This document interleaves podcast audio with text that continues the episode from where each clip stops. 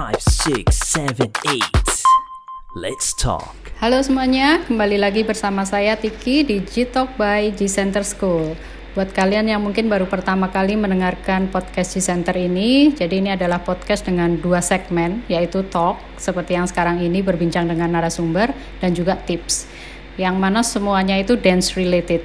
Jadi silahkan kepoin materi-materi yang sudah ada di Spotify atau Anchor, cari G-Talk by G-Center School, dengarkan dan semoga bisa bermanfaat bagi kalian. Oke, hari ini aku ditemani seorang locker yang ternama pada zamannya, punya EKE The Phobia. Mungkin dia ma- harusnya masih ingat ya. Dulu dia ini sangat krempeng, kur kurus kurang gizi, tinggi menjulang. Jadi dia sering kita juluki tiang tiang listrik gitu. Tapi kalau kalian cek di IG-nya sekarang di @doni0590 D O N Y, dia sudah berubah jadi muscle man. Yes. Hanya satu aja yang masih sama dari Do- dari Doni ini. Dulu sampai sekarang. Ekspresinya selalu lebay. Oke, sebelum ngobrol panjang lebar tentang kisahnya, kita kenalan dulu dengan narasumbernya. Silakan Doni. Ya, jadi halo semuanya. Perkenalkan nama saya Doni Kurniawan. Eh, sekarang masih menari, iya, cuman nggak terlalu intens juga. Eh, terus sekarang kerjaannya ngapain aja sehari-hari? Sekarang sibuk banyak melayani di mahasiswa, jadi pembina salah satu unit kegiatan eh, dance, ya, unit kegiatan mahasiswa dance di salah satu universitas. Terus selain itu kerjaannya eh, di Excel Leader Training sebagai seorang trainer, terus juga sebagai seorang project manager, ya. Terus masih freelance arsitek juga, masih menerima desain, terus juga MC, ya. Jadi cukup banyak kerjaannya. ya kurang lebih kayak gitu. Dan sehari-hari juga eh, ya nge-gym lah tiap hari. Ya jadi kurang lebih setiap hari kerjaannya seperti itu. Oke, jadi kamu kamu lulusannya kan arsitek nih ya berarti Don ya? Iya betul sih. Lulusannya arsitek. Cuman main jobnya kamu sendiri apa sih sebenarnya sekarang? Kalau main jobnya sekarang di excellent leader itu, jadi seorang project manager, terus juga coach, coach untuk biasanya karyawan-karyawan perusahaan kayak gitu-gitu. Jadi lebih ke human resource ya sekarang, lebih ke arah sana, kayak gitu. Hmm. Terus ke waktu awal mulanya kamu tertarik menekuni yang di gym ini, kamu setauku kamu juga eh, menekuni juga di nutrisi ya, sudah punya Betul. catering sehat lah. Awal mulanya tuh gimana? Titik baliknya tuh gimana? Padahal dulu kan kamu nggak nggak Nah. peduli kayak gitu-gitu kan, kurus krempeng kan? Betul, betul. Gitu. Betul. Jadi dulu itu C pertama kali ya, itu di tahun 2019 tengah-tengah tahun. Jadi ya ini ada cerita unik ya sebenarnya. Ini mungkin bisa nanti teman-teman juga bisa belajar. Jadi di 2019 tengah-tengah itu eh, sudah lama nggak nge-gym sebenarnya, sudah cukup lama. Jadi sebenarnya nge-gym ini sudah lama, cuman nggak tahu teorinya, nggak tahu basicnya, gitu ya. Ya asal nge-gym aja. Sampai akhirnya sekitar 2019 tengah tahun itu tergerak lagi kayak, oke aku mau nge-gym lagi. Nah, kok ya kebetulan waktu itu ya eh, ada program PT itu lagi promo. Terus akhirnya kayak oke aku mau ambil program PT nah di PT itu dia ngecek keadaan. Maksudnya kayak eh, kondisi kesehatan waktu itu gitu ya. Jadi dari fatnya terus apanya semuanya dicek. Terus waktu dia lihat hasilnya itu dia udah nanya kamu terakhir ke dokter ada cek nggak? Cek kesehatan. Waduh kapan ya mas? Udah agak lama sih. Ini kalau kamu ke dokter kamu sudah masuk obesitas. Kaget aku langsung "Hah, seorang Doni obesitas itu kan kayak aneh kan. Nah ini yang namanya skinny fat gitu ya. Mungkin nanti kita bisa bahas ya. Jadi skinny fat itu berbahaya banget. Iya jadi kelihatannya badannya kurus kelihatannya kecil tapi ternyata visceral fatnya tinggi gitu. Jadi aku ya kaget sih. Maksudnya kayak "Loh, ternyata separah itu ya. Dan memang benar setelah dia nanya-nanya nafasmu sering nggak ngos-ngosan? Iya betul. Kamu sering nggak eh, ngantuan iya betul. Terus sering nggak kamu itu tiba-tiba misalnya malam nggak bisa tidur? Atau ya, pokoknya semua ciri-cirinya itu menggambarkan iya benar nah itu itu udah tanda-tanda kamu mau obesitas. Nah jadi kan menakutkan. Nah untunglah mengambil program PT itu. Nah sejak saat itu akhirnya mulai masuk ke apa ya dunia healthy lifestyle ini sambil diajarin sama PT juga jadi mulai paham teori-teorinya. Jadi gambarannya kurang lebih kayak gitu ceng. Hmm, jadi ya bermula dari itu baru kamu benar-benar serius menekuni gitu ya. Betul Terus eh, setahu aku kan kayak kayak gitu tuh juga ada sertifikasinya lah. Kamu ambil itu juga nggak Don? Bisa Betul. Nah, dikit. jadi Mm. Nah, jadi setelah mengalami satu tahun dengan belajar otodidak juga dari PT itu juga ya, cuman akhirnya karena interest nyari-nyari dari sumber-sumber lain, ketemulah dengan yang namanya Apki ini. Jadi ya ini, I use this T-shirt. Jadi Nah, Apki itu mereka nggak bisa eh, mereka nggak bisa lihat tapi nggak bisa lihat ya. Cuma J3 yang bisa lihat. Jadi asosiasi pelatih kebugaran Indonesia. Nah di salah satunya itu dia ada eh, kayak sertifikasi tentang nutrisi tertariklah untuk ikut kayak gitu. Dan mulai cari-cari ya. Oh ternyata dia ngajarin ini ini ini. Nah akhirnya ikut dan ya senang banget gitu ternyata materinya benar-benar yang membuat apa ya kayak selama ini itu banyak pertanyaan oh ternyata begini ternyata begini. Jadi ketemulah dengan kayak passion yang baru kayak gitu loh. Kurang lebih gambarannya kayak gitu. Kemarin sudah sempat ujian terus harusnya sudah lulus cuman belum secara apa ya resmi diumumkan kayak gitu. Itu sertifikasinya dalam nutrisi atau nutrisi dan Betul. dan ininya olahraganya.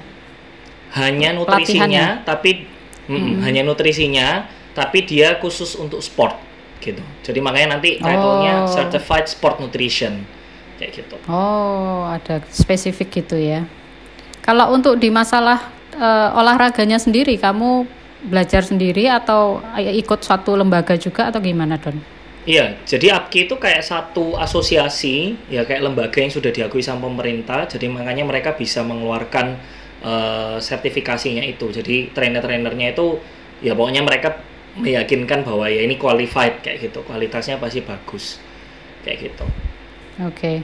Kalau ini kan kita masih harus dance related ya. Pengen tahu nih. Kalau sering kali dancer itu kan Ya, karena sudah sering ngedance, baik ngajar, ngejob ataupun session, mereka merasa sudah nggak perlu lagi olahraga. Kan sama aja gitu, sudah bergerak, sudah keringetan, sudah capek gitu ya.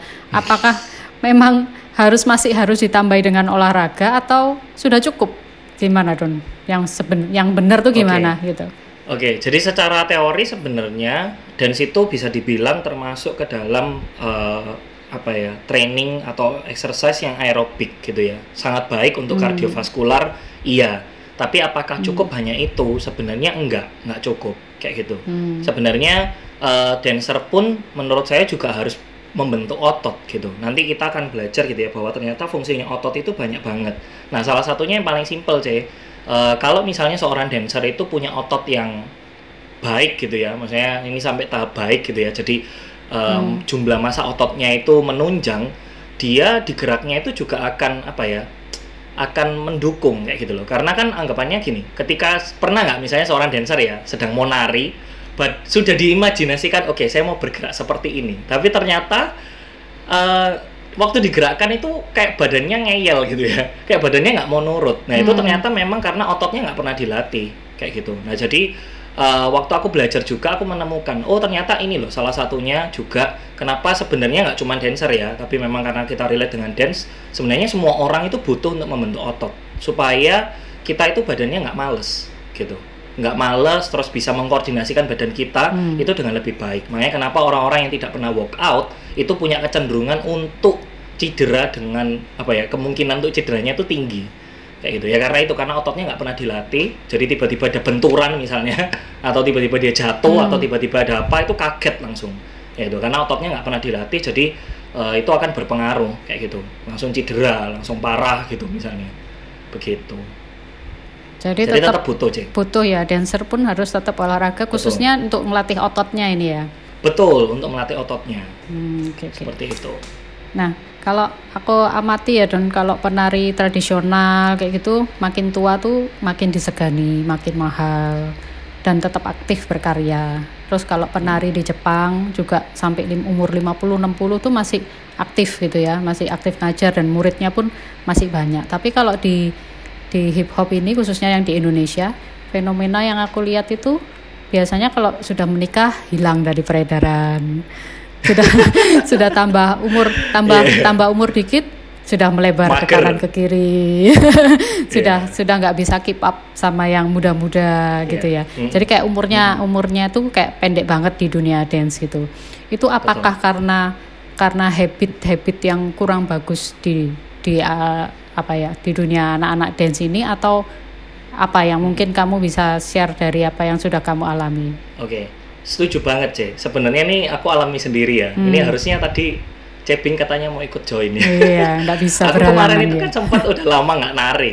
Iya, harusnya kan udah Hmm. lama nggak nari. Terus kapan hari waktu yang ada kesempatan juga waktu di center bikin kelas ya. Mm-mm. Terus aku ikut kelasnya Cebing sama kelasnya Kwedo. Nah itu aku udah lama, saya lagi aku udah lama banget nggak ikut kelas. Tapi selama ini workout dan menjaga kesehatan. Nah, waktu ikut kelasnya Cebing, yang notabene selama ini aja, yang dulu Doni itu masih sering nari, ikut kelasnya Cebing ya, Cece tahu sendiri ya. Ditahan ya guys, ditahan ya guys. Itu kayak, hah, hah, kayak nafas itu nggak nggak nggak beraturan gitu loh. Tapi kemarin, kemarin waktu ikut kelasnya Cebing, aku juga kaget. Waktu selesai ikut, "Loh, kok aku nggak capek ya? Ini nggak ngomongin tekniknya ya, nggak ngomongin maksudnya skillnya, iya. Hmm. hip hopnya bisa Hmm. ngikutin atau enggak. Tapi nafasnya sama sekali nggak capek, kayak gitu loh. Endurance-nya iya, bener, ya? Endurance-nya tuh Hmm. kuat banget Hmm. kayak gitu. Nah, jadi kalau pertanyaannya cerita dia apakah hubungannya? Menurutku ada. Kenapa? Karena begini. Eh, ketika kita itu punya metabolisme yang buruk, ya saya lagi metabolisme Hmm. ini dipengaruhi oleh makanan kita, gaya hidup kita, jam tidur, ya itu juga Hmm, berpengaruh. hmm. Terus workout tadi, ketika tidak punya, bukan tidak punya otot, sorry, semua punya or, or- semua orang punya otot ya, tapi maksudnya ototnya nggak pernah dilatih gitu ya, metabolismenya itu akan ya. tambah lama tambah melemah gitu dan itu sudah sudah sudah naturalnya manusia semakin bertambah usia metabolisme akan semakin turun dan memang betul kayak tadi CTK bilang akhirnya orang akan semakin mager. Kayak gitu. Makanya justru kita ini di Indonesia perlu diedukasi. Sekali lagi tidak hanya dancer ya semua orang ya. Tapi karena ngomongin dance dance dance ini dancer dancer ini Hmm, juga hmm. perlu diedukasi bahwa kamu harus membentuk otot karena seiring berjalannya usia metabolisme akan turun itu yang membuat akhirnya misalnya mau latihan aduh kok males ya aduh mager kayak gitu gitu ya jadi ada memang ada pengaruhnya di situ that's why kenapa kok membentuk otot itu sangat penting sekali kayak gitu Cece masih ingat gak kapan hari waktu apa eh, dance campnya G Center itu apa namanya Heroes Dance Camp. Ya Heroes Dance Camp. Nah, itu kan Hmm. waktu di awal-awal aku masih ikut. Aku lihat Hmm. si siapa namanya? Siapa itu orang Jepang itu? Dominic. Dia pagi. Dominic. Nah, itu dia Dominic. Pagi-pagi sudah lari, dia masih workout. Dia sudah umur berapa? Gitu. nah, Betul, metabolismenya betul. masih sangat baik. Jadi itu sih memang Mm-mm. aku sangat setuju ada hubungannya dengan itu. Gitu. Kenapa kok tambah mager karena gaya hidupnya tidak tidak baik ya, kayak gitu. Apa habit yang harus dibentuk Don? Nah, ini dia. Pertanyaannya bagus. Kita berdua kayak ini ya, pemain bola giring-giringan. Giring ya. Biar iya, cool ini. menggiring-menggiring. iya, biar cool ya. Betul ya. Pertanyaannya baik. Eh, gaya hidup yang baik seperti apa? Yang pertama tadi sudah saya singgung ya. Ah, dari sisi nutrisinya. Jadi apa yang kita makan kita harus perhatikan. Nah, Hmm. kalau saya berkaca di masa lalu yang dulu, seorang Doni yang dulu sama nggak pernah jaga makan. I will eat Hmm. everything I see. Karena saya aku suka apa, aku mau makan apa ya, aku akan beli itu, aku akan makan itu, gitu kan. Aku masih ingat habis Hmm. latihan dari Sanggar, masih pergi ke Bu apa itu, Hmm. siapa itu namanya? Aduh, dekatnya. Sanggar itu. Nah, itu dia, ya kan?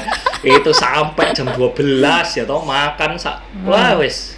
Karena perasa kayak tadi CTG bilang, "Oh, aku sudah anu kok sudah nari kok. Aku membakar kalori Ah. terus kok." Ternyata tidak Hmm. semudah itu Ferguson gitu ya. Karena sekali lagi kalau kita tidak jaga makanan kita, kita nggak perhatikan nutrisi kita. Contoh paling simpel ya, eh, kita di Indonesia tidak pernah diedukasi tentang yang namanya protein. Seberapa pentingnya protein. Nah, karena saya certified Hmm. sport nutrition, saya tahu ternyata atlet-atlet itu harus memenuhi minimal dua kali berat badannya untuk proteinnya. Jadi contoh saya 74 gitu ya. Berarti dalam sehari protein intake-nya harus 148 gram. Nah, kita sering kali tidak penuhi itu. Itu yang jadi bahan baku untuk membentuk otot. Termasuk dance kan pasti juga membentuk otot ya kalau misalnya narinya bener ya kan workoutnya jalan Iya. harusnya membentuk otot karena atlet gitu nah cuman itu nggak pernah Hmm. masuk jadi akhirnya ototnya nggak bisa berkembang dengan maksimal nah itu baru satu contoh tentang nutrisi atau misalnya Hmm. kita di Indonesia juga semua makanan serba karbo wah apalagi udah liatnya Yap. donat ya nah Hmm. karbo itu bikin males gitu kan badan kita itu Hmm. craving sama yang namanya eh, karbo gitu gula-gula minuman apalagi orang Indonesia ya makannya nasi terus habis Iya. itu dikasih iya minyak-minyak gitu terus habis itu minum es teh manis indomie nah itu Iya. kan masuk semua jadi badannya malah tambah males kayak lemaknya jadi numpuk kayak gitu. Nah itu baru dari sisi nutrisi. Nah sekarang yang kedua jam tidur. Ini juga yang sering kali dilupakan. Ini juga sangat penting. Jam tidur ketika ngomongin jam tidur ya kualitasnya dilihat dari mana. Jam tidur di bawah jam 12 ya kan. Ini penyebabnya kalau mau dijabarkan bisa panjang sekali kenapa harus tidur di bawah jam 12 ya kan. Terus tidurnya di usia-usia produktif seperti kita ini itu harusnya minimal eh, 7 jam ya kan 7 sampai 9 jam. Nah, itu harus dipenuhi. Kenapa? Karena kalau tidurnya tidak dipenuhi kualitasnya, ya besoknya bisa kena ke mental, bisa jadi moody, ya kan nggak enakan. Makanya kenapa kok dancer-dancer tuh banyak yang senggol bacok gitu. Karena eh, nggak bisa apa ya memaintain emosinya sendiri gitu. Nah, nyambungnya ke mana-mana ternyata C kayak gitu. Terus badannya fatigue akhirnya nanti mau latihan. Aduh sorry C nggak bisa datang karena aku sakit. Kok aku nggak bisa latihan karena begini kak aku Nah, itu kan ya itu Doni dulu juga seperti itu ya kan? Nggak bisa latihan sakit gitu dikit-dikit sakit dikit-dikit sakit kayak gitu. Nah jadi pengaruhnya ternyata banyak banget. Nah itu baru yang kedua. Yang terakhir yang juga penting adalah bicara tentang hidrasi. Nah ini juga terutama kalau ngomongin dancer itu juga atlet ya hidrasi itu sangat penting. Hidrasi sebelum kita berlatih waktu kita berlatih dan sesudah kita berlatih. Ini juga sering kali dilupakan gitu. Apalagi kalau sudah concern ya latihannya ngoyo terus gak minum berjam-jam akhirnya minum wah pingsan langsung. Ya kan? Itu keracunan air langsung ya kan? Itu jadi memang eh, edukasi seperti ini yang menurutku sangat penting untuk dancer-dancer juga paham kayak gitu. Terutama yang sudah serius ya dengan eh, dance-nya apalagi sampai jadi atlet itu itu sangat perlu untuk diedukasi. Gambarnya kurang lebih kayak gitu sih Jay. Jadi ada tiga ini yang perlu diperhatikan ya, makanan, kemudian Mm-mm. jam tidur, yang Yes. terakhir hidrasi ya. Jadi yang keempat yang tadi Jay, workout sama workout yang tadi kita Iya, iya. bahas Terus kamu ada solusi nggak Don? Ini kalau ngomong orang dance ini kan orang seni ya. Orang seni itu moodnya baru nyala 12 ke Iya. atas Don. nah Bia- Biasanya baru on, Gitu. baru on itu di atas jam 12 lah. Itu Gimana Don kalau kayak gitu? Gitu ya. Kalau alasannya seperti itu gimana Don? Aku harus jawab apa? Gitu. Oke. Oke, gini ya teman-teman. Saya ini juga orang yang nyeni banget ya. Mungkin Cetiki sangat kenal seorang Doni ini suka banget sama yang namanya konsep. Aku orang yang sangat nyeni gitu ya. Ini terlepas dari ya saya tahu teman-teman di luar sana banyak yang skillnya di atas saya gitu ya. Tapi saya juga nggak kalah kalau ngomongin konsep gitu. Saya sangat liar gitu ya. Nah, dulu pun waktu masih muda, saya sering bersembunyi di balik kata lagi nggak mood kayak gitu. Apalagi arsitek ya.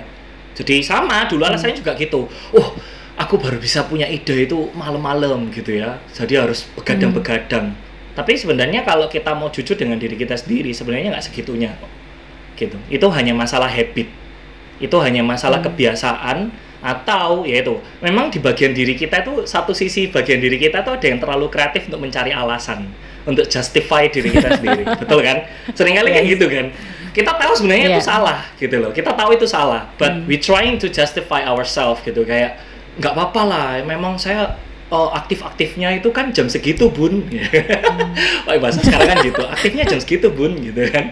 Aktifnya itu baru jam 12 ke atas. Nah sebenarnya tubuh kita tidak pernah didesain seperti itu gitu jadi nggak mungkin gitu loh. Tubuh kita nggak pernah didesain untuk kamu baru jam 12 malam ke atas tuh baru muncul semua inspirasi nggak mungkin. Yang ada adalah self management yang buruk. Ya maaf saya harus ngomong itu.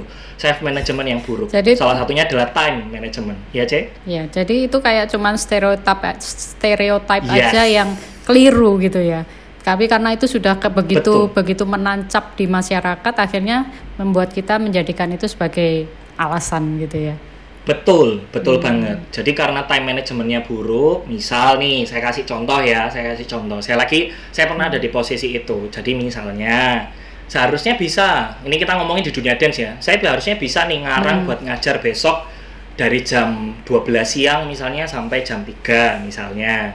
Ya kan, harusnya bisa bikin koreo nih di jam itu, supaya nanti tidurnya nggak terlalu malam-malam. Eh ternyata di jam 12 misalnya yang cowok-cowok diajak main Mobile Legend sama temennya mulailah bermain. Mulai main. Atau yang cewek-cewek eh drama Korea yang ini keluar nih baru nih gitu. Atau mungkin udah nggak zaman ya kalau dancer-dancer ngomonginnya drama Korea tuh udah nggak zaman ya. Misalnya oh ini ada apa baru keluar gitu ya. Dance baru Among Us. premiere di YouTube.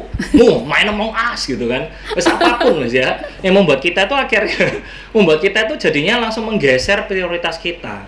Nah akhirnya kan jadi nggak ada waktu kan buat ngarang baru bisa malam Mm-mm. sekali, dua kali. Nah, kita harus sadar seperti ini ya. Ini biar CTG juga tahu tubuh kita ini didesain oleh yang maha kuasa itu begitu pintar. Karena dia tahu bahwa oh Doni sekali, dua kali, tiga kali, empat kali sampai tujuh kali sukanya itu jam 10 ke atas itu baru mikir ide, akhirnya dia dalam tanda kutip menyesuaikan. Dia akan on ketika jam Hmm. 10 ke atas. That's the habit yang kita tanpa sadar kita bikin itu bertahun-tahun. Nah lucunya adalah terus kita bikin alasan sendiri. Iya tubuh saya itu baru bisa apa ya berpikir itu jam 10 ke atas. Itu itu konyol menurut saya itu konyol kayak gitu loh. Kita yang bikin-bikin sendiri terus justify diri kita sendiri bahwa that's the right thing to do gitu. Padahal nggak ada. There's no such Betul, thing bahwa kita itu baru bisa aktif itu jam 12 ke atas nggak ada. Itu alasan. Nah, kenapa? Hmm. Karena saya buktikan sendiri sekali lagi ya. Saya dulu kuliahnya juga arsitek. Saya buktikan ketika semester 5 ke atas, ya seharusnya CTK juga tahu ya. Dulu Doni sering awalnya begadang-begadang, tapi ketika semester 5 ke atas, saya mencoba untuk bertanggung jawab menyelesaikan semuanya bahkan sebelum latihan di sanggar. Gitu. Latihannya dulu Hmm. dari jam 6 sampai jam 10 gitu. Sudah selesai semua tugasnya. Gitu. Hmm. Jadi memang sekali lagi kembali ke self management gitu. Ya, jadi kita para dancer-dancer ini juga perlu belajar self management yang baik. Salah satunya adalah time management. Time, Gitu. betul. Time management Iya. benar kayak gitu. Iya, iya. Nah, kalau menurutku ini ya, godaan yang paling Mm-mm. sulit untuk ditaklukkan itu adalah makanan.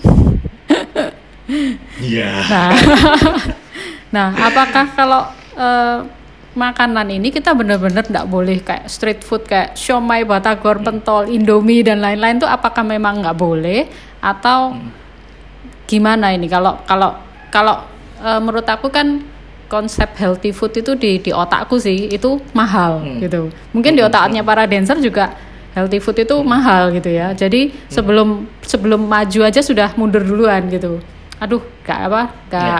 nggak cocok dengan kantongku ini. Apalagi mereka yang masih struggle dengan penghasilan ya. Jadi Ya. apakah apakah apakah benar itu ke pemikiran bahwa healthy food itu pasti mahal dan apakah memang benar-benar kita nggak boleh makan yang street food kan kasihan don para PKL PKL iya. para online Iya, food betul, betul. gitu. Oke. Don. Saya mau jawab yang pertama, tidak semua healthy food itu mahal. Heyo punyanya Hmm. saya.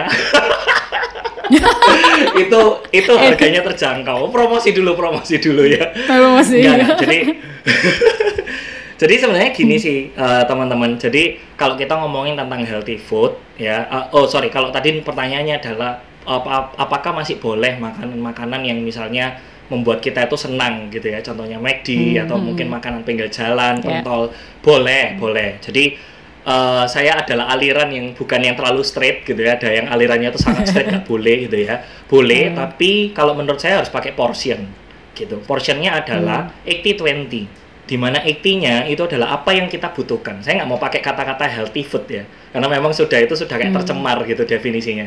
Jadi 80%-nya adalah apa yang kita butuhkan, what we need gitu. Kalau kita sudah ngomong tentang what we need, kita harus tahu dulu apa yang sebenarnya kita butuhkan. Salah satunya yang tadi sudah disinggung kan, contoh protein intake-nya harus dua kali lipat gitu. Jadi pastikan setiap kali meal besar kita memakan sesuatu yang bersifat protein. Contoh misalnya, ini sambil sambil sedikit mengedukasi aja ya. Jadi contohnya Yep. misalnya daging-dagingan, ayam, Hmm. telur, ya kan? Atau dari nabati itu ada tahu, tempe, dan tidak semuanya harganya mahal, kayak gitu. Kemarin mungkin eh, beberapa teman yang kenal saya tahu ya, selama setahun ini akhirnya pada akhirnya ya saya belajar masak gitu dan bisa masak akhirnya, ya kan? Gimana? Ini sudah, anu loh, sudah siap loh ini ya, sudah bisa masak sana. ya. Jadi eh, akhirnya waktu masak sendiri saya tahu bahwa ternyata loh ternyata masak sendiri itu jauh lebih sehat dan lebih murah kayak gitu loh. Sangat murah gitu. Bahkan tidak seperti di bayangan kita yang uh kalau mau sehat itu benar-benar mahal. Enggak murah banget kayak gitu pengeluaran saya juga apalagi di masa pandemi ini ya karena lebih banyak masak akhirnya pengeluaran tuh malah turun kayak gitu loh. Nah, jadi sebenarnya tidak semahal itu. Nah, cuman kita perlu tahu aja sumber-sumbernya dari mana gitu untuk bermain variasinya. Nah, jadi 80%-nya pastikan aja apa yang kita butuhkan. Salah satunya itu protein intake-nya. Nah, yang kedua, masukkan sayuran dan buah. Gitu. Ini yang uh, menurut saya ini juga jadi tanggung jawab saya sekarang karena sudah disertifikasi ya. Mengedukasi masyarakat tentang pentingnya sayur dan buah kayak gitu. Karena sedih sekali kalau ada orang-orang itu yang sakit misalnya konstipasi susah buang air besar terus habis itu pokoknya pencernaan pencernaan seperti itu karena kurangnya serat kayak gitu. Itu itu sedih mendengarnya itu hmm. sedih kayak gitu. Nah jadi uh, pastikan ini juga masuk gitu ya. Jadi misalnya contoh kayak saya sendiri setiap kali satu hari ya dalam dua kali mil minimal itu harus ada makan sayur kayak gitu. Terus dua kali snack itu makan buah di mana buah itu tidak mahal kayak pisang itu saya beli satu sisir harganya mungkin cuma belas ribu itu sudah bisa berapa hari sudah satu minggu mungkin kayak gitu jadi hmm. sebenarnya nggak nggak mahal kok gitu cuman kita ini aja yang memang di Indonesia kurang teredukasi saya pakai kata itu jadi kita tur kurang teredukasi akhirnya kita langsung membuat mental block bahwa makan sehat itu mahal, makan sehat itu susah gitu. Padahal tidak sesusah itu sebenarnya. Nah, setelah 80% kita penuhi yang memang kita butuh, baru sisanya 20% kalau bahasa Surabayanya ya sakarmu terserah. Bahkan seorang Doni sampai hari ini masih makan Indomie gitu. Hari sampai hari ini oh. masih makan Indomie. Tapi sekali lagi hmm. uh, ketika memang yang yang mainnya itu sudah terpenuhi. Kayak gitu. Jadi seperti itu cek masih nggak apa-apa. Tenang. Hmm. tidak berdosa. Takut kalau nggak boleh makan Indomie. Iya. Indomie seleraku ya. Kan? Itu ini dia. kok jadi iklan. iya iklan iklan. Terus kalau ngomong masalah makanan ini, kalau orang-orang yang mm -mm. kayak kayak kita tahu kayak Bing Bing, Riswandi yang makannya Ush, banyaknya nah kayak gitu tetap kurus tuh kenapa sih Don? Teman-teman saya. Apakah yang kamu bilang tadi skinny fat itu tadi? Itu kalau okay. skinny fat itu harus Jadi, dicek, harus dicek kan ya? Ya betul betul. Visceral fatnya masih dicek jadi buat orang-orang yang banyak makan seperti itu, ya ini saya pernah mengikuti satu kelas itu orang hmm. yang memberi kelas tuh bilang gini jangan pernah bangga ketika kamu dibilang wah enak ya kamu makan banyak tapi nggak gendut-gendut nah itu saya sendiri sekali lagi saya sendiri seperti itu dulu hmm. saya merasa bahwa itu anugerah dari Tuhan ya kan?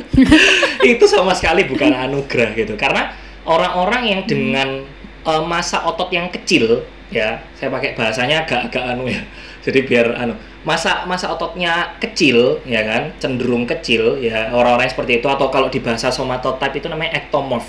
Ya Cece Riki pernah dengar jadi orang-orang ectomorph yang cenderung badannya kurus ya kan? Susah untuk gemuk. Nah itu yang memang punya kecenderungan untuk makannya banyak. Nah kenapa seperti itu? Karena memang dia punya ini uh, metabolismenya itu termasuk tinggi gitu. Orang-orang dengan hmm. dengan dengan orang yang yang yang kecenderungan yang ektomorf tadi itu dia punya kecenderungan metabolismenya tinggi. Bukan karena ototnya banyak. Tapi coba bener nggak? Contoh Rizwandi dan Bing tadi ya sudah disebut. Mereka suka fidgeting. Mm. tahu fidgeting? Bergerak bergerak ya goyang-goyang gitu. Yeah. terus itu misalnya mm. kakinya goyang-goyang itu namanya fidgeting. Tanpa sadar itu yang membakar kalori banyak. Nah itu. Karena memang orang-orang yang ektomorf mereka punya gini uh, keunggulan di olahraga ya yang mengandalkan endurance lari gitu ya itu kayak Rizwandi itu suruh lari hmm. sprint hmm. pasti menang hmm, satu last ya, minute betul. saya yakin dia yang menang gitu karena memang hmm. diciptakan tubuhnya yeah. untuk lincah kayak gitu ya termasuk dance sebenarnya ya itu ada ada plus minusnya kan hmm. makanya jadi ada keuntungannya hmm. mereka uh, geraknya jadi lebih luas ya kan Nah, tapi masalahnya di situ karena di, mereka suka fidgeting, suka bergerak ke sana kemari, metabolismenya gerak terus, makannya jadi juga ikut minta banyak. Kayak gitu. Nah, ini yang bahaya kalau misalnya tidak diedukasi. Terus makannya ya seperti kita tahu sendiri di Indonesia, nasinya nambah hmm. tiga centong, hmm. empat centong, hmm. itu karbo semua. Di mana ini sedikit hmm. uh, pengetahuan ya, karbo yang tidak dipakai, tidak dibakar, akhirnya akan menjadi lemak gitu. Hmm. Itu akan tersimpan.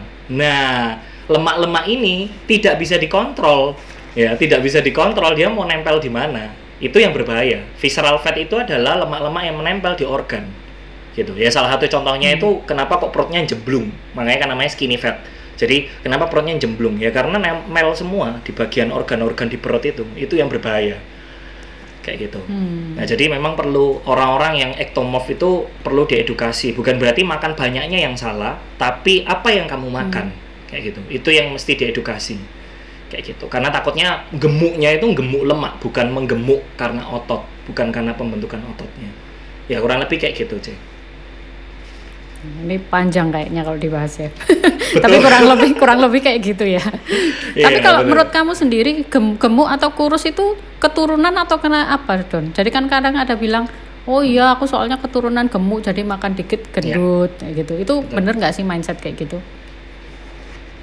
Oke, sebenarnya dari awal betul. Kalau dari titik start yang namanya kita lahir ini somatotype ya. Jadi tipe badan ada yang ektomorf, ada yang endomorf, ada yang mesomorf. Itu memang sudah apa ya, sudah genetika. Nah, tapi eh, saya juga diajarin ada yang namanya tuh epigenetik. Epigenetik itu adalah faktor di luar gen yang bisa mempengaruhi gen itu sendiri. Nah, Hmm. maksudnya salah satunya apa? Gaya hidup. Jadi bukan Hmm. berarti gini, kita menjudge diri kita sendiri. Contoh kayak Riswandi ya, saya ini memang Hmm. sudah seperti beating misalnya gitu ya kan. Selamanya saya kan seperti ini, enggak seperti itu gitu. Cara mainnya tidak seperti itu. Dengan kita mengubah gaya hidup, dengan kita mengubah lifestyle, Hmm. merubah mindset, itu semua bisa berubah. Nah itu yang namanya epigenetik bahwa Hmm. sesuatu yang bersifat genetik pun itu bisa kita rubah dengan gaya hidup kita. Kita bisa rubah ya kembali ke keputusan kita ya kita mau merubah nggak gitu. Yang sudah kita tabung bertahun-tahun tadi ya kan kebiasaan-kebiasaan entah yang baik yang buruk itu Yep. ya kan itu kita mau rubah nggak kayak gitu. Ya itu kembali ke sana. Jadi kalau secara titik start betul memang betul itu sudah digariskan gitu ya kayak lahir ada yang mudah Hmm. gemuk ada yang memang kurus itu betul tapi itu adalah titik Hmm. start kita bisa merubahnya gambarannya kayak gitu Jadi bukan berarti kita harus pasrah. Oh ya sudah, memang aku keturunan Yes. gemuk terus ya udah aku gemuk gak apa-apa kayak gitu ya. Betul. Itu namanya nggak ada usaha Betul. ya. Lupita cek Lupita pernah ngomong aku ini sitik-sitik gemuk ambekan ae nambah berarti walai Ngel Ya, ngel- tapi yang mikirnya makanan gitu kan. aja nambah kayak gitu ya. iya nambah ya, satu kilo gitu ya kayak iya, gitu iya. Berarti kamu harus anu harus hubungi Riswandi untuk menyelamatkan partner pertamamu.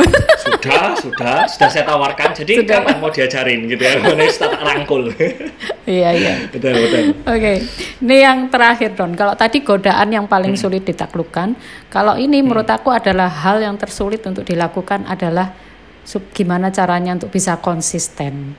Karena mungkin itu, memulai, memulai memang Mm-mm. sulit, tapi kalau Mm-mm. lebih sulit lagi itu mempertahankan kan, gitu. betul betul Kadang sudah sudah sekian lama nanti kena apa kayak event gitu, kena event dikit ya udah hilang Ya. lagi, nggak bisa konsisten. Betul. Nah, kamu bisa kasih tips enggak supaya bisa konsisten tuh gimana sih? Oke, jadi kalau buat konsisten ya, nomor satu pastinya adalah harus dari mindset. Hmm. Mindset itu adalah sesuatu yang ada di dalam. Saya sangat percaya sampai hari ini ini sebuah prinsip, sesuatu yang dari dalam itu pasti sesuatu yang jauh lebih kuat. Hmm. Ya, jadi cara mainnya harus inside out. Out. Dari dalam dulu baru keluar. Bukan outside in ditempelkan. Contoh yang ditempelkan. Wih, badannya dancer itu keren ya, six pack. Saya harus kayak gitu. Nah, itu Hmm. outside in. Jadi dari orang luar mempengaruhi kita. Tapi harus inside out, harus sadar dulu. Saya kasih cerita sebentar ya, Jaya. Yep. Ada satu teman yang juga belajar gitu ya, tanya-tanya, "Kodon, aku tolong bantuan."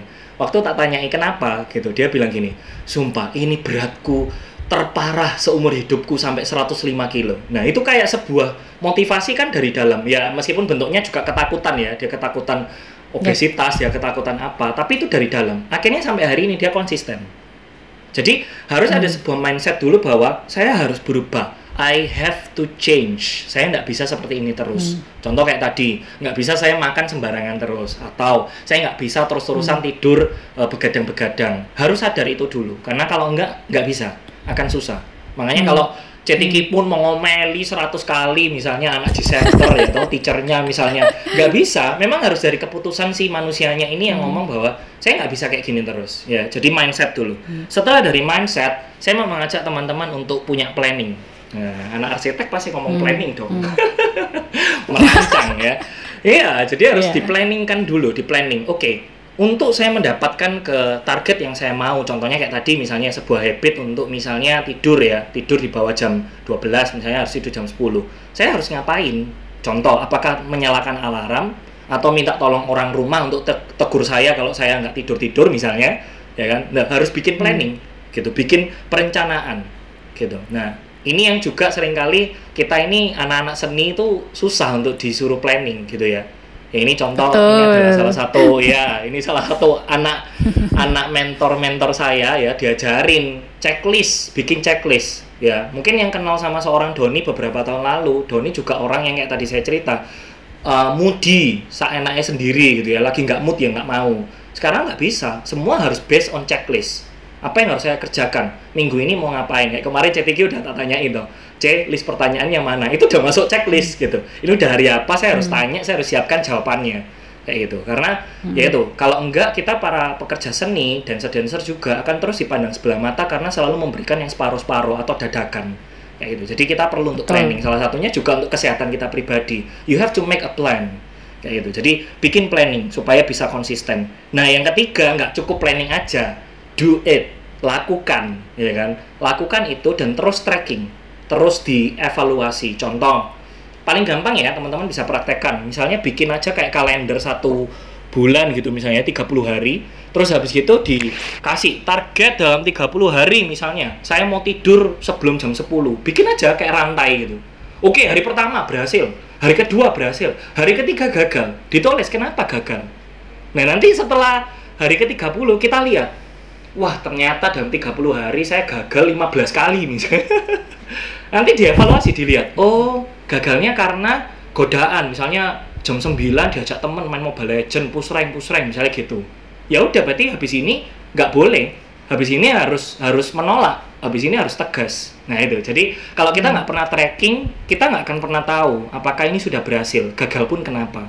Kayak itu. Nah yang keempat sangat penting yang namanya komunitas ya jadi pasti setuju juga ya. Karena dengan siapa kita bergaul ya kita akan menjadi seperti itu. Nah jadi peran komunitas teman-teman di sekitar kita tuh penting ya. Open aja untuk ngomong misalnya saya mau memulai gaya hidup sehat. Nah ya, tapi komunitasnya juga jangan ngetawain misalnya Halah gayamu nanti makan Indomie. Gitu kan.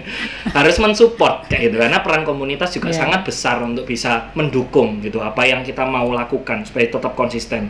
Dan selanjutnya juga perannya nggak cuman mendukung ya tapi juga mengingatkan kalau misalnya ayo katanya mau hidup sehat tak boleh makan itu. Atau misalnya ayo jangan tidur malam-malam. Misalnya masih bikin story galau-galau jam 11 gitu kan mulai di reply ayo tidur kayak gitu. Nah jadi peran komunitas itu penting.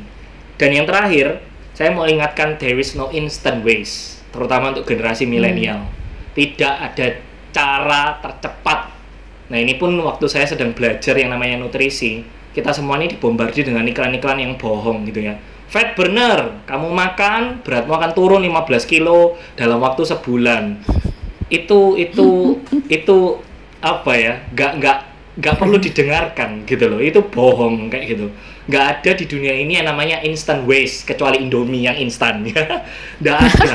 Itu pun harus Semuanya butuh dimasak. proses itu pun harus dimasak ya kan nah jadi semuanya butuh proses semuanya butuh yang namanya kesabaran nah sering kali kita pun gagal di konsistensi itu bukan poin-poin atasnya tapi di sini. Kita nggak sabar. Jadi dalam waktu seminggu sudah bingung kok kok aku udah gagal ya? Padahal baru seminggu menjalankannya itu nah jadi perlu perlu untuk sabar gitu. Perlu untuk terus melakukan supaya itu menjadi sebuah habit. Kayak gitu. Habit kan baru dibangun sekitar 21 sampai 30 hari. 21 jadi hari. terus lakukan. Mm-mm.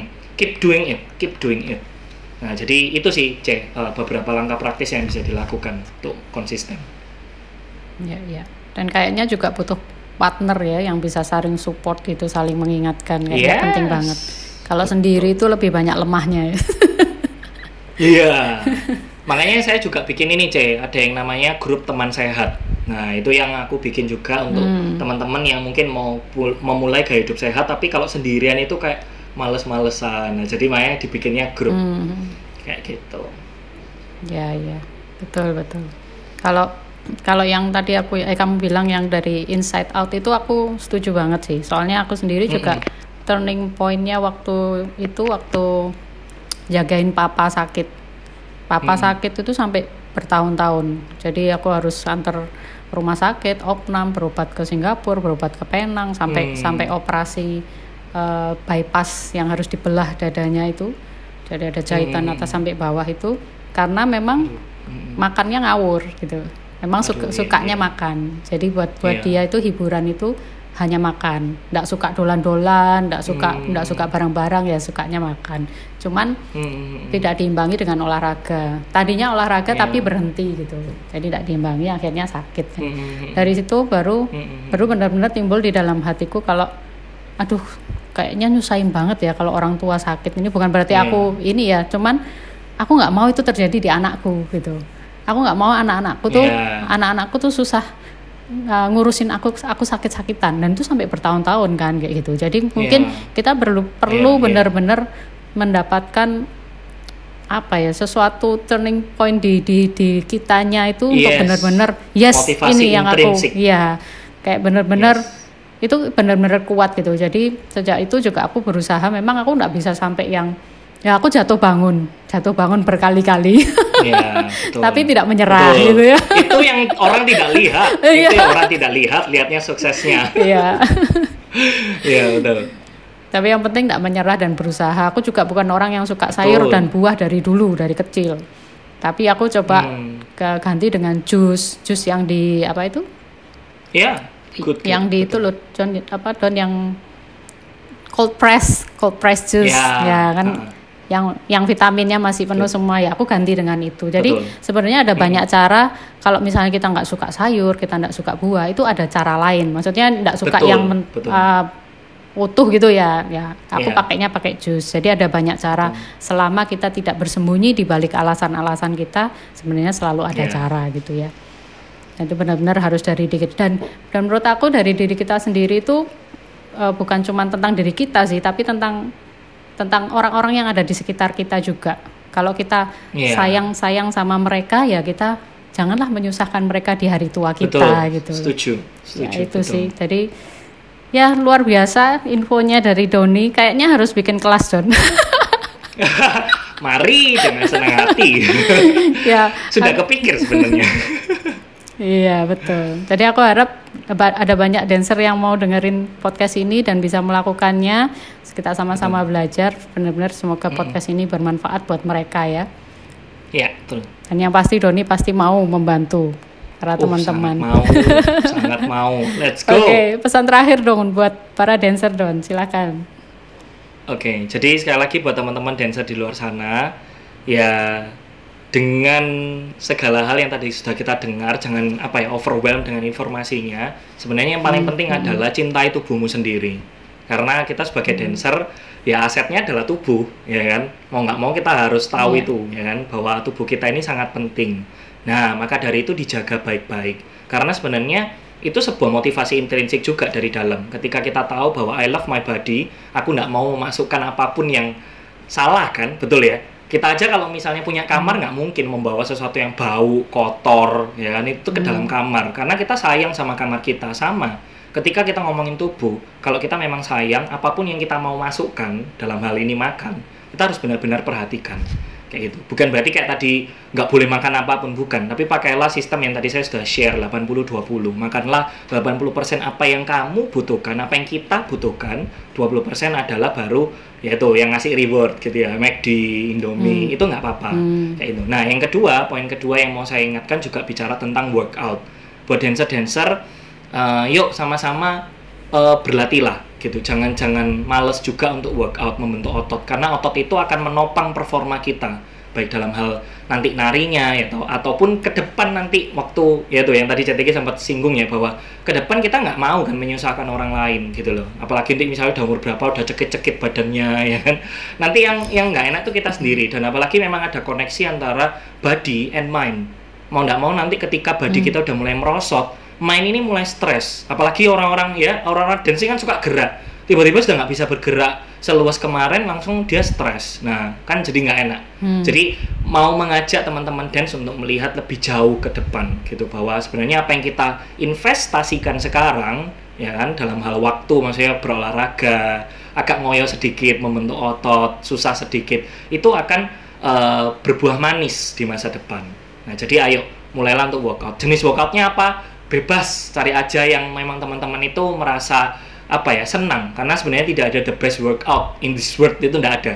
Semuanya sesuai dengan apa yang cocok dengan kita apa yang kita prefer apa ya prefer untuk oh saya mau lakukan ini kayak gitu. Nggak ada yang terbaik. Mau lakukan calisthenics boleh mau lakukan gym boleh mau lakukan crossfit boleh ya kan? Anything. Pokoknya uh, bentuklah otot itu kayak gitu Nah, yang ketiga bicara tentang jam tidur. Nah, ini saya ulang lagi ya karena saya juga dulu struggle banget di situ. Sama-sama yuk tidurlah di sebelum jam 12. Kalau bisa di sekitar jam 10, jam 11 supaya kita bisa punya apa ya? performance yang bagus juga. Nggak cuma ngomongin dance tapi ya dalam kehidupan sehari-hari. Dan yang paling terakhir bicara tentang hidrasi. Ya, benar-benar penuhi itu. Sebisa mungkin dalam sehari minumlah minimal 2 liter. Ya, 2 liter itu sudah paling minim. Kalau bisa lebih jauh lebih baik lagi. Karena sekali lagi sama itu juga akan menopang performa kita waktu kita mau nari, waktu kita mau melakukan aktivitas apa pun. Oke? Okay? Dan yang terakhir tidak ada instant waste, tidak ada. Ya, jadi bersabarlah untuk membangun gaya hidup sehat sampai jadi sebuah habit sampai itu kita udah nggak mikir, kita udah benar-benar langsung jaga tubuh kita nggak sembarangan makan, tidur juga dijaga, terus hidrasi terus jalan, workout juga jalan. Ya, kurang lebih seperti itu. Oke, mantap. Semoga bukan bukan dengerin bukan jadi stres ya, tapi jadi sampai semangat ya. Betul, betul. Kita kepingin dancer-dancer di Indonesia ini juga kayak di Jepang bisa sampai umur yang panjang. Mereka benar-benar.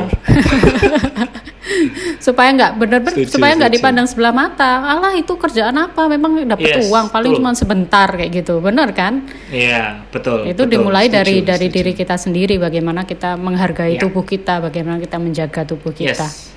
oke teman-teman. Terima kasih sudah mendengarkan. Terima kasih untuk Doni yang sudah sharing di yeah, podcast kali juga. ini. Semoga uh, memberkati kalian semua jangan lupa follow at Doni 05 berapa ya? Yes. 0590. 0590 yeah. sama Mau tanya tentang nutrisi dan workout dan apa pun boleh. Oke, silahkan monggo. Juga jangan lupa follow G Center School. Sampai jumpa di podcast berikutnya. See you. Bye bye.